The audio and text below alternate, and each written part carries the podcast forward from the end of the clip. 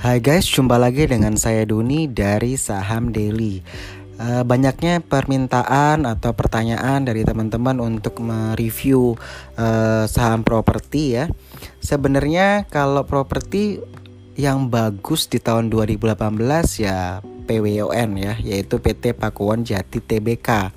Jadi uh, ini merupakan emiten properti yang di 2018 uh, eh, top gainers lah kita bilang ya.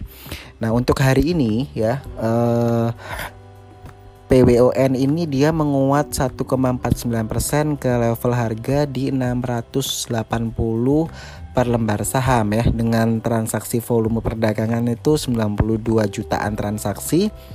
Bahkan kalau kita lihat average-nya itu biasanya cuma 28 jutaan. Jadi memang uh, hari ini PWON ini memang uh, menarik gitu ya bagi trader gitu. Karena memang uh, volume transaksinya uh, lumayan besar ya seperti itu. Untuk kinerja di tahun 2018 ya kalau kita lihat datanya uh, revenue-nya aja itu dia naik 23% dari 5,7 triliun ke 7,08 triliun. Net profitnya dia naik 36% dari 1,8 triliun ke 2,5 triliun. Jadi memang uh, kita boleh bilang uh, di tahun 2018 Pakuwon ini uh, kinerjanya ciamik pol ya.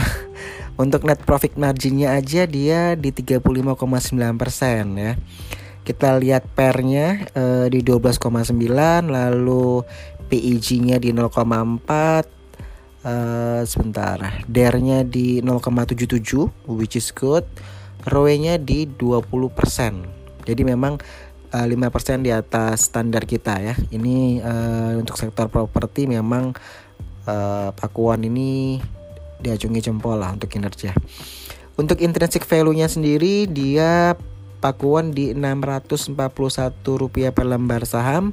Sedangkan market price per today ya di tanggal 28 Mei 2019 ini di harga Rp680 uh, artinya overvalued ya uh, dengan fasenya masih downtrend.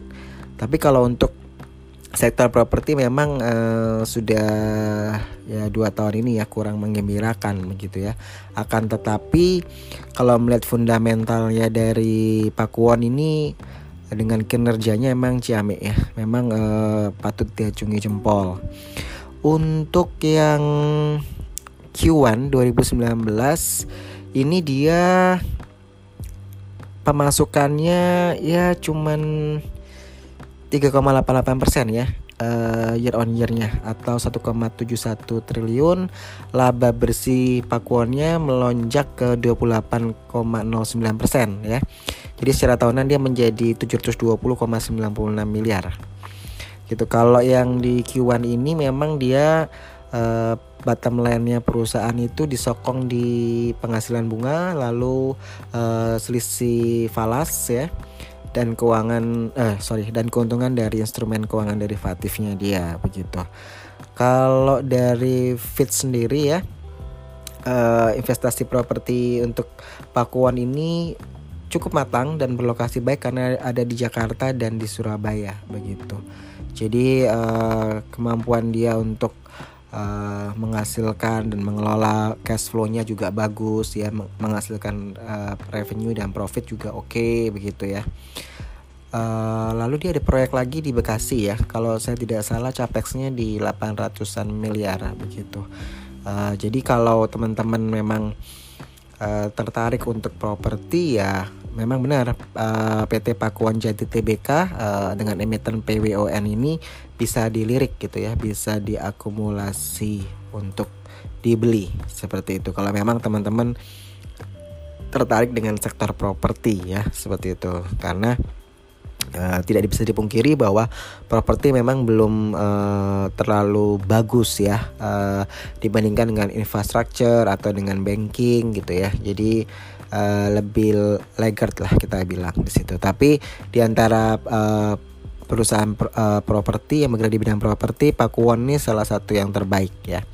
Kalau teman-teman mau compare ya yang saham-saham di industri properti ini ada LPKR, ada DILD, ada JTRA ya dan sebagainya dan sebagainya. Ini bisa dipelajari fundamentalnya yang mana menurut teman-teman yang uh, cocok untuk diinvestasikan gitu. Tapi kalau uh, mau tutup mata aja ya udahlah gitu. Kalau gue mau properti gue pilih satu ya udah pilihnya Pakuan aja. Ini bukan bukan sponsor ya, tapi memang kita lihat dari uh, fundamentalnya dari Pakuan. Oke, okay?